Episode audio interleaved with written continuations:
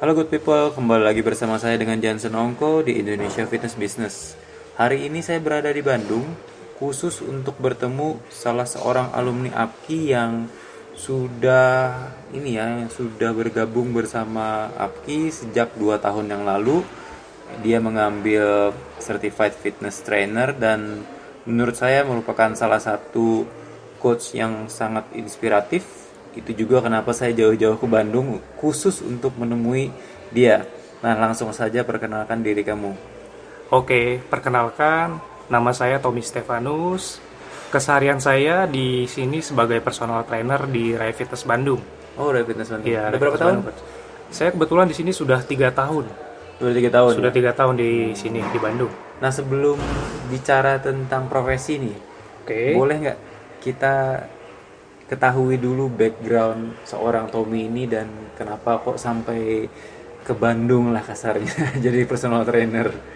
Oke, sebenarnya dulu saya bukan sebagai personal trainer, tapi lebih ke karyawan bank. Oh gitu. Iya, saya dulu bekerja di Pangkal Pinang, tempat Oh. asal saya di Bangka. Tahun berapa itu? tahun 2000 2012 sampai 2015 Oke. saya di BCA Oke, oh BCA. di BCA Oke. sebagai frontliner sebagai teller kebetulan pada waktu itu saya memang sudah suka nge-gym Hmm, Iya. Jadi sudah memang bagian dari gaya hidup ya. ya saya sebelumnya atlet juga sih coach Atlet jadi saya atlet dari SMP sampai SMA itu saya atletik kebetulan di spesialisasi nomor jalan cepat Oke. Iya sampai kejuaraan nasional Itu dari SMP. dari SMP Jadi saya udah memang jadi atlet. gaya hidup aktif itu udah udah lama ya. Sebenarnya saya memang sudah lama sih kalau untuk di olahraga. Aktivitas fisiknya ya. Iya, olahraga sudah ya. lama. Oke, lalu kenapa tiba-tiba Bandung dan personal trainer nih seorang teller bank bisa kejeblos di profesi Oke. Pada waktu saya eh, pada waktu itu saya berpikir enak juga kali ya kalau kerja sesuai dengan hobi, sesuai dengan passion. Nah, itu saya udah dengar dari Upki podcast sebelumnya. Ah, passion. hobi sama passion itu Beda. ternyata beda, enggak iya. enggak sama. Mungkin Baru sadar waktu- ya? Baru sadar waktu itu mungkin saya pikirnya oh hobi saya eh, sama passion saya itu sama, oh ternyata enggak gitu. Jadi terjunlah saya. Nah, berbicara Oke. passion itu sendiri apa yang kamu dapat dari podcast yang saya bahas tentang passion ini? Oke, yang saya dapat dari pembahasan tentang hobi bukanlah passion, ternyata fitness, Kuncinya. iya kuncinya fitness itu bukan bukan truly passion saya, Hmm. tapi setelah saya gali lagi ternyata lebih ke helping people seperti itu, Wah, Coach. sama kayak saya. Iya, seperti itu. Oke, oke, oke. Dan passion itu adalah sesuatu yang kamu rela untuk berkorban ya. Ya, Baik, betul sekali. Baik waktu maupun ya kasarnya Tenaga sampai materi dan tenaga. Iya, iya. Oke, lanjut lanjut lanjut. Oke, waktu itu jadi saya cari-cari sertifikasi buat jadi Hmm, seorang personal trainer Tahun berapa tuh? tahun 2016. Berarti waktu itu sudah jadi teller dong ya? Waktu itu saya sudah sudah jadi teller dan saya memutuskan saya pengen coba deh cari sertifikasi buat jadi seorang personal trainer seperti itu. Tapi nggak kepikiran lebih jauh bener-bener saya pengen jadi trainer profesional atau gimana nggak. Lebih utamanya karena saya memang suka nge-gym, saya pengen gunain ilmu itu buat badan saya sendiri. Oke. Waktu itu seperti itu. Jadi sebenarnya memang belum ada rencana untuk jadi seorang personal trainer. Belum ada rencana sama sekali coach Oke, seperti itu. setelah itu apa dapat informasinya kah atau bagaimana kamu? Saya googling di Google, saya dapat oh, googling. satu ya, satu sertifikasi pada waktu itu. Ryan itu tahun Rhines itu tahun 2016. Hmm. 2016 saya masih ingat itu bulan April. Wah. Bulan April 2016 akhirnya saya ikutlah sertifikasinya. Hmm. Itu dua hari workshop. Kalau APKI kita tiga hari, hari ya. ya, betul. Nah di situ dua hari. Setelah itu setelah workshop kita ada ujiannya juga sama kayak di APKI. Itu di Bandung ya? Itu di Bandung. Oke. Jadi kebetulan pada waktu itu tempat yang terdekat dari tempat saya dari Bangka Belitung itu di Bandung. Itu berapa jam penerbangan? Penerbangan kalau dari Bangka kita nggak ada flight ke Bandung, jadi harus ke Jakarta dulu. Oh, Nah dari Jakarta saya pakai travel waktu itu sekitar 4 jam perjalanan buat motong ongkos lah ya. buat motong ongkos gitu. Oke. Udah ikut transit lalu saya pulang. Hasilnya keluar dua minggu setelah saya sertifikasi itu. Oke. Tapi saya masih Merasa kurang. kurang puas nih kayak gua nggak dapat semua gua nggak dapat sesuatu yang pengen pengen apa nih saya pengen lebih dalam lagi, lebih jauh lagi Hmm. tentang fitness. Itu cuman mungkin terlalu banyak teori kalau menurut pendapat Iya, saya saat itu ya. pada saat itu. Jadi saya butuh prakteknya yang real. Saya di lapangan saya bisa sebagai selayaknya seorang personal trainer. Betul. Padahal itu masih profesi aktifnya adalah teller itu ya. Eh, Iya, betul sekali. Hmm, berarti belum belum belum quit, belum belum belum berhenti. belum belum akhirnya saya memberanikan diri saya mengajukan diri saya telepon pihak Rai Fitness Hmm. yang di Bandung tempat saya waktu itu sertifikasi Rai Institute Hmm. saya mengajukan diri sebagai coach magang, Magang. coach magang Magang. ya. dan diberi kesempatan tiga bulan buat saya melakukan magang tadi Oke. biar tahu realnya seorang personal trainer di lapangan itu seperti Hmm, apa nah dan itu yang saya mau sebenarnya Oke. Iya.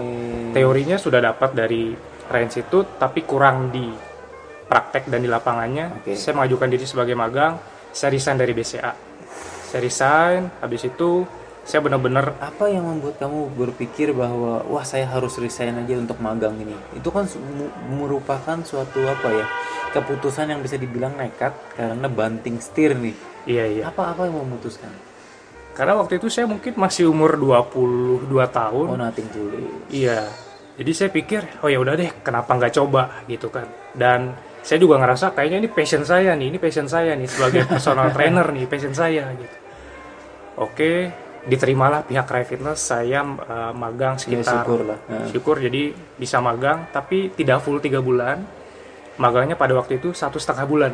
Oke. Satu setengah bulan saya sudah diangkat jadi personal trainer karena sudah ada calon klien yang mau pakai jasa saya kebetulan. Oke. Iya. Jadi kurang lebih perjalanan saya awalnya bisa sampai ke Bandung, sampai saya jadi personal trainer itu kebetulan, nggak ada ya. nggak ada rencana sama sekali. Cuman Nah, waktu awal-awal magang itu apa yang yang apa yang kamu dapatkan? Maksudnya yang kamu asah gitu lah. Iya, yang- Practicality-nya kah atau bagaimananya atau bagaimana approach orang atau bagaimana? ya eh, pada waktu sertifikasi memang kita kurang begitu mendalam tentang kai eh, tentang kiwing. Habis itu kita assess juga kurang. Hmm. Jadi saya benar-benar lihat realnya di lapangan. Hmm. Jadi seorang fitness fitness coach itu seperti itu. Apa pengalaman yang dapat kamu share selama menjadi seorang fitness coach dan mungkin kendalanya kemudian hal-hal yang membuat kamu tetap berada di industri ini? Jadi fitness coach menurut saya itu kompleks sekali. Kompleks, sekali tidak hanya kita bisa um, punya badan bagus, tahu Oke. pakai alat, lalu kita ngelatih orang, ngitungin repetisi, nggak Enggak seperti ya? itu. Karena seperti kelihatannya sep- seperti itu kelihatannya. Sepertinya ya. seperti itu, seperti gampang. Tapi ternyata kalau memang benar-benar kita mau dalami dunia personal trainer atau fitness coach sendiri itu um, Beyond- luas sekali. Beyond, beyond that ya. Bahkan Ya. spesialisasinya bisa bermacam-macam. bermacam-macam sekali luas sekali tidak hanya punya badan bagus kita tahu pakai alat lalu kita melatih tapi kita harus banyak ilmu lagi makanya saya terus belajar saya terus mencari sertifikasi juga APKI salah satunya saya ikut Betul, juga betul, betul, Gitu. itu waktu di lapangan sendiri ada nggak sih kendala-kendala yang kamu temui misalnya seperti stigma atau apa? Oke kebetulan pada pada waktu itu di tempat fitness saya semua background dari personal trainernya itu dari bodybuilder Oh semuanya. dari bodybuilder. Saya agak sedikit kurang percaya diri sebenarnya pada waktu itu karena badan saya juga tidak terlalu besar, awal-awal itu ya. ya. masih biasa, ya suka fitness lah. Tapi untuk jadi bodybuilder belum. Saya Oke. sempat uh, sempat rada sedikit minder nih. Saya bisa bersaing nggak? Saya bisa saya bisa jadi fitness coach nggak? Karena melihat stigma di Ya, situ dan di masyarakat juga seorang fitness coach itu harus punya badan yang besar. Itu kebanyakan orang berpikir seperti Paling nggak sudah pernah berkompetisi lah ya. ya kurang lebih seperti itu Uh, coach. Nah itu tadi kan kamu bercerita bahwa kamu merupakan salah satu yang bisa top achiever lah di di tempat kamu bekerja saat ini. Padahal kan tadi kamu bilang bahwa adanya suatu apa ya ya stigma itu bahwa seorang personal trainer harus memiliki badan yang besar itu itu bagaimana? Ada yang bisa kamu share nggak? Oke, pada waktu itu saya analisis, saya lihat sekeliling saya, dan saya juga menggali lagi, saya punya kelebihan apa, saya punya kekurangan apa, dan apa yang orang lain nggak punya, yang saya punya. Nah di situ saya tonjolkan. Karena contohnya, saya badannya tidak terlalu besar tapi Hmm. mereka sudah punya badan yang jauh lebih baik sebagai seorang personal trainer dan Lebih representatif lah ya. ya lebih meyakinkan buat orang untuk pakai jasanya Hmm. lalu saya berpikir yang saya bisa gali lebih dalam tentang diri saya apa oke saya ke- kelebihannya mungkin Mau belajar. mau belajar pada waktu itu saya sambil berjalan sambil saya menjadi seorang personal trainer puji Tuhan pada waktu itu saya sudah dapat klien di bulan pertama punya tujuh klien pada waktu itu Wow, langsung tujuh ya. langsung tujuh saya nggak berhenti belajar saya belajar dari YouTube saya belajar dari internet dan saya cari-cari sertifikasi ketemulah Beberapa APKI. ya. Salah satunya APKI dan Resistance Training Specialist nah itu saya ambil di tahun 2017 dan APKI di tahun 2018 Apa apa yang kamu dapat misalnya kan sudah ngambil tiga nih. Ya. Dari Rai Institute tadi kan dapatnya teori, kemudian di RTS dapat apa? nah di Buat RTS di RTS saya boleh sharing sedikit Boleh banget. Iya.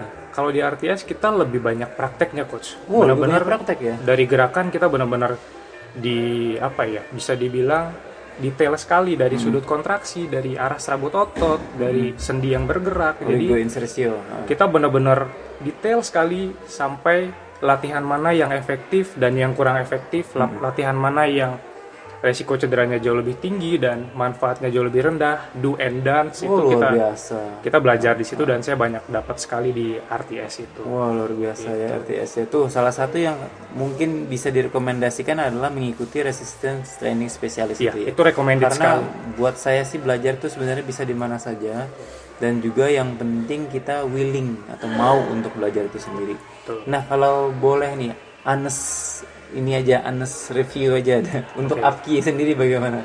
Karena susah banget lulus. Jujur kalau dari semua sertifikasi yang sudah saya ikuti beberapa itu APKI yang paling susah memang. paling, Paling susah. jahat jadi ya. paling jahat sekali itu paling susah. Jadi belajarnya juga sampai bikin kepala saya mau pecah, stres. Ya makanya kenapa Ya, lulusannya- coach yang lulusan APKI semuanya bisa Bangga. dikatakan berkualitas. ya. Seperti Dan itu. mereka bangga sih. Bangga. Kita pakai baju APKI bangga sekali nih jalan-jalan ke mana-mana. Oke, thank you, thank you. Nah, kalau misalnya berbicara tentang keseharian nih, tadi kan berbicara bahwa adanya eh, stigma bahwa seorang personal trainer masih berbadan besar. Tadi kan belum beres juga nih menjelaskan kelebihannya apalagi selain willingness to learn atau mau belajar itu. Mungkin apa membina hubungan baik atau Oh, iya. lebih ke personal touch itu mungkin Oke. Mungkin itu satu personal touch dan service excellence. service excellence Service excellence. bisa dijelaskan nggak kira-kira Saya dapat itu dari Perbankan. BCA, dari perbankan. Jadi kita belajar tentang how to treat people. Nah itu bisa di share nggak kira-kira apa? Eh, mungkin itu yang kurang yang kamu lihat di industri kebugaran service excellence itu sendiri. Oke.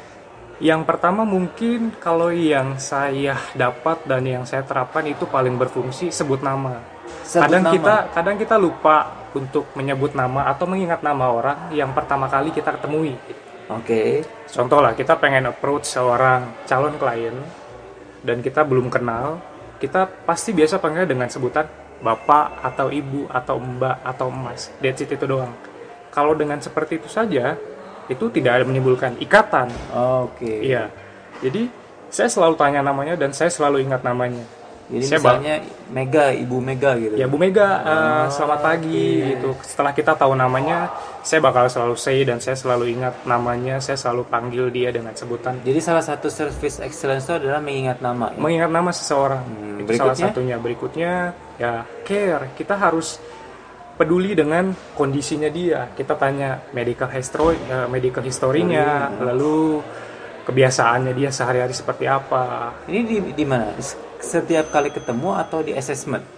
itu di assessment Di assessment. kalau ya? yang setiap hari ketemu yang saya lakukan sekarang contoh saya tanya terakhir dia makan jam berapa Oke. lalu ada keluhan apa di badannya atau tidurnya kurang cukup atau tidak Jadi tidak langsung latihan, ayo gitu. tidak ya? tidak langsung jadi lebih ke pendekatan dulu saya tidak langsung tipe calon ah, no, no.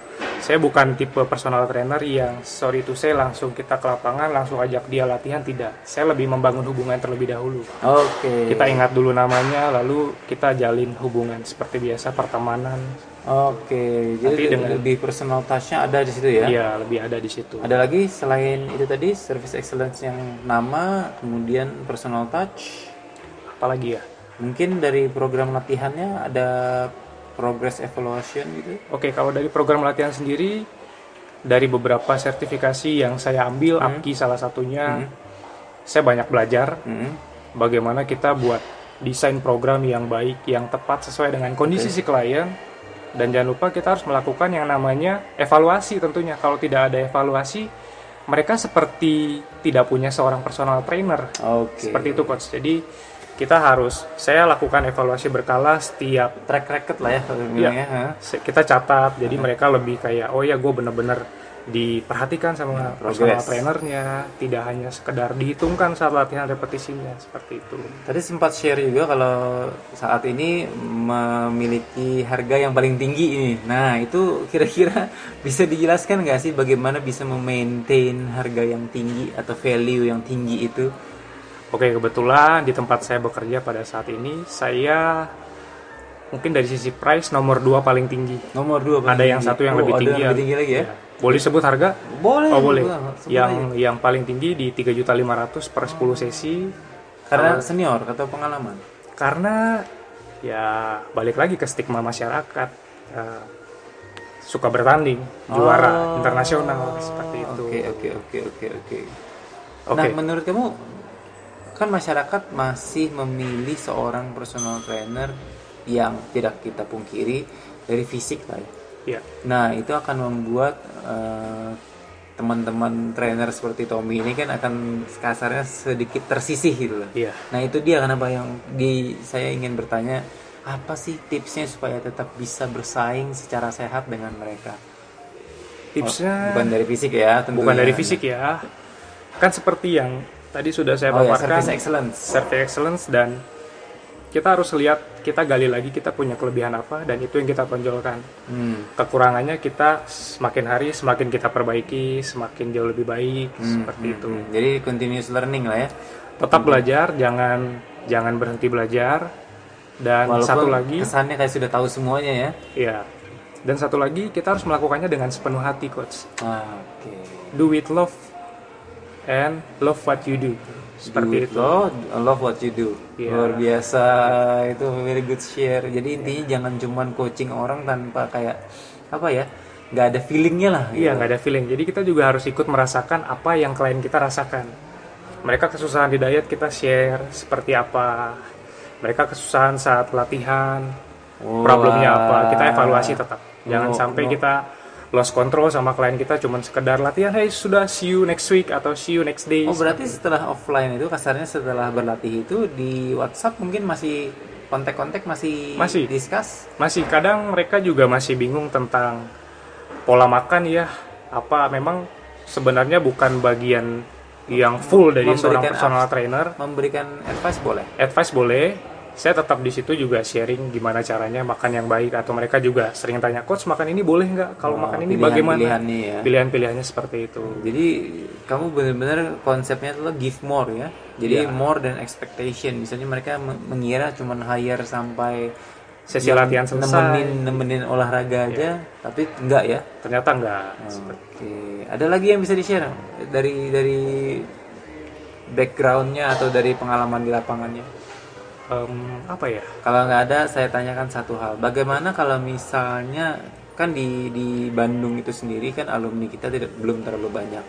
Nah, bagaimana kalau misalnya di sini diadakan secara rutin pelatihan-pelatihan terutama dari sisi praktikal dan program designing itu kira-kira menurut, menurut Coach Tommy bagaimana? Akan baik untuk industrinya kah atau bagaimana? Itu akan bagus sekali menurut saya coach Oh ya? Iya, karena pertama mungkin itu bisa jadi ajang buat alumni APKI, khususnya yang ada di Bandung. Kita bisa saling kenal, kita Ya, bisa ya, saling ya, ya. ketemu, lalu secara perlahan mungkin kita bisa merubah stigma masyarakat tentang yang personal trainer badan besar jauh lebih baik mungkin atau jauh lebih seperti apa dibanding Hmm, hmm, hmm. yang biasa Padahal saja. lebih dari itu ya. Padahal lebih dari itu. Oke, nah concern kamu sendiri di industri fitness Bandung, selain stigma bahwa badan besar artinya lebih tahu, bagaimana? Eh, masyarakatnya kah perlu diedukasi lagi atau bagaimana kira-kira? Yang perlu diadres? Ya kita harus pelan-pelan ya untuk merubah itu jadi harus sharing juga Mm-mm. one on one maybe atau sering ada sosialisasi juga Nah untuk Iya. antar gym sendiri apakah ada kerjasama mungkin Ba- bagaimana sih atmosfer dari industri fitness di Bandung itu sendiri? Kalau Atau dari berjalan sendiri-sendiri? karena di sini ada beberapa brand juga yang mega gym kayaknya mereka sudah dengan stylenya sendiri kita jalan-jalan sendiri Ah, Oke. masing-masing semua sendiri di sini Jadi kompetitor kompetitor ya jadinya. Kompetitor. Tapi bukan sampai perang harga kan? Maksudnya ada. Apakah itu terjadi atau enggak kira-kira? perang harga sebenarnya terjadi di mana pun juga terjadi kayaknya Betul, Coach. betul, betul. Kalau untuk gym-gym yang bukan mega gym, nah di situ saya belum pernah ke sana sih karena sibuk karena ngelatih ya. sibuk sehari-hari saya ya lumayan padat juga jadwalnya Nah, kalau misalnya boleh memberikan sedikit tips nih untuk seluruh pendengar, kira-kira tips apa yang bisa kamu berikan untuk eh, calon coach? Apa yang harus mereka lakukan sih awalnya di bagian awalnya kamu harus ini ini ini. Mungkin Oke, kalau dari saya untuk calon coach yang ingin menjadi seorang personal trainer profesional, yang pertama harus kita tahu benar nggak itu passion kita. oke. Passion kita di helping people nggak? Justru Bukan. di helping people-nya Di ya. helping people-nya bukan di suka gymnya. Suka nge-gymnya bukan Iya, ya? kalau kita berbicara suka nge-gym badan bagus, seorang kuli bangunan juga suka nge-gym kadang-kadang ya banyak juga yang suka nge-gym dan badannya juga Iya. bagus, tapi mereka ada kemauan itu nggak buat membantu orang lain gitu. Oh, itu kuncinya. Kunci utamanya itu kok itu coach kalau kata saya lebih ke kemauan kita untuk to help people to ya. help people. Nah, Selain itu, Selain itu jangan lupa Up- upgrade. kita upgrade ilmu, terus belajar, jangan lupa di atas langit masih ada langit. betul. Di atas langit masih ada langit ya. Ya, jangan mudah puas dengan diri sendiri. Jangan mudah puas dengan apa yang sudah kita miliki hari ini. Terus belajar, keep do it. Jadi pertama helping people, kedua terus upgrade Terus diri, belajar. yang ketiga ada lagi? Yang ketiga apa lagi ya? Em, apa ya? Oh berarti cuma dua ya? Ya, Oke, nah se- itu kan tips untuk yang mau memulai sebagai seorang coach. Kalau yang sudah aja, mak- maksudnya coach yang sudah bekerja sebagai pelatih, kira-kira tadi kan eh, dibilang jangan stop belajar. oke. Nah, untuk yang coach yang sudah melatih, ada tips tambahan supaya nih jangan bersaing deh gitu loh. Kira-kira ada nggak? Oke. Kalau untuk coach yang sudah jadi coach, kayaknya kita jangan sampai terjadi yang namanya perang harga. Oke. Lebih baik daripada kita perang harga atau menurunkan harga uh, jual kita sebagai seorang personal trainer, alangkah baiknya kita upgrade di quality and service tadi. Hmm. Di kualitas tingkatkan dengan Belajar, belajar terus ilmu pengetahuan. Kalau service itu karena give fitness more ya? itu ya. Karena fitness itu luas sekali. Sedangkan yang servisnya kita belajar sedikit-sedikit tentang atau lebih banyak juga nggak apa-apa service excellence tadi coach. Oke, intinya terus mengasah interpersonal skill juga ya. Iya. Nah, apa harapan kamu dari industri fitness khususnya di Bandung ini? harapan saya mudah-mudahan ke depannya untuk industri fitness di Bandung jauh lebih baik tentunya. Lebih baik dalam segi apa? Maksudnya kan harus clear nih. Lebih baik. Oke, lebih baik dalam segi kualitas, kualitas seorang personal trainernya yang Oh, tidak hanya SDM-nya ya. SDM-nya. Nah, Oke. yang tidak hanya cuman badan besar lalu kita bisa melatih Karena Tapi- waktu kamu share tadi yang offline bahwa kesulitan banget untuk merekomendasikan seorang coach ke orang yang tidak bisa menggunakan jasanya Tommy gitu ya. ya betul sekali coach jadi saya juga struggling sekali sekarang kalau ada calon klien yang Nggak bisa. nggak bisa saya handle karena terbatasnya waktu saya saya harus merekomendasikan salah satu seorang personal trainer Dan takutnya malah tidak takutnya malah ini ya nggak sesuai ya. nggak kehandle harapan. dengan baik seperti itu coach Oke, jadi harapannya tadi harapannya SDM-nya buat fitness coach jauh lebih baik ke depannya. Dan untuk APKI, semoga alumni APKI di Bandung kita semakin banyak ke Hmm, depannya. betul, betul. Biar kita bisa saling share dan saling ketemu di sini. Belajar Jadi bersama. Intinya eh, seorang Tommy sendiri willing lah ya untuk memberikan ilmunya, membagikan ilmunya di Iya. Bandung ini khususnya Bandung sih. Sangat sekali. Oke, Sangat sekali. jadi tunggu tanggal mainnya kalau Tunggu gitu. tanggal mainnya. Oke, terima kasih coach atas waktunya. Terima Itu kasih. dia sharing dari seorang coach Tommy Stefanus Ya, yang berasal dari Bangka Belitung ya. Bangka Belitung. Sampai merantau ke Bandung tanpa itu lumayan ini sih taking risk, big risk sih. Iya. Tapi bagaimana? Happy kan ya? Happy sekali. Eh, satu lagi saya mungkin pengen. Oh, boleh, boleh. Ini mungkin quote saya buat teman-teman juga semua. Kita harus yakin dan percaya bahwa setiap perjalanan di dalam hidup kita itu sudah Tuhan rancangkan dengan sempurna. Seperti saya di sini itu udah nggak ada yang kebetulan dan nggak ada yang sia-sia. Enjoy the process. Jadi proses ya. thank you, Wah, Coach. luar biasa. Terima kasih Thank untuk you. seluruh pendengar juga. Terima kasih Coach Tommy. Thank you Coach Jansen. Oke, sampai jumpa di lain kesempatan.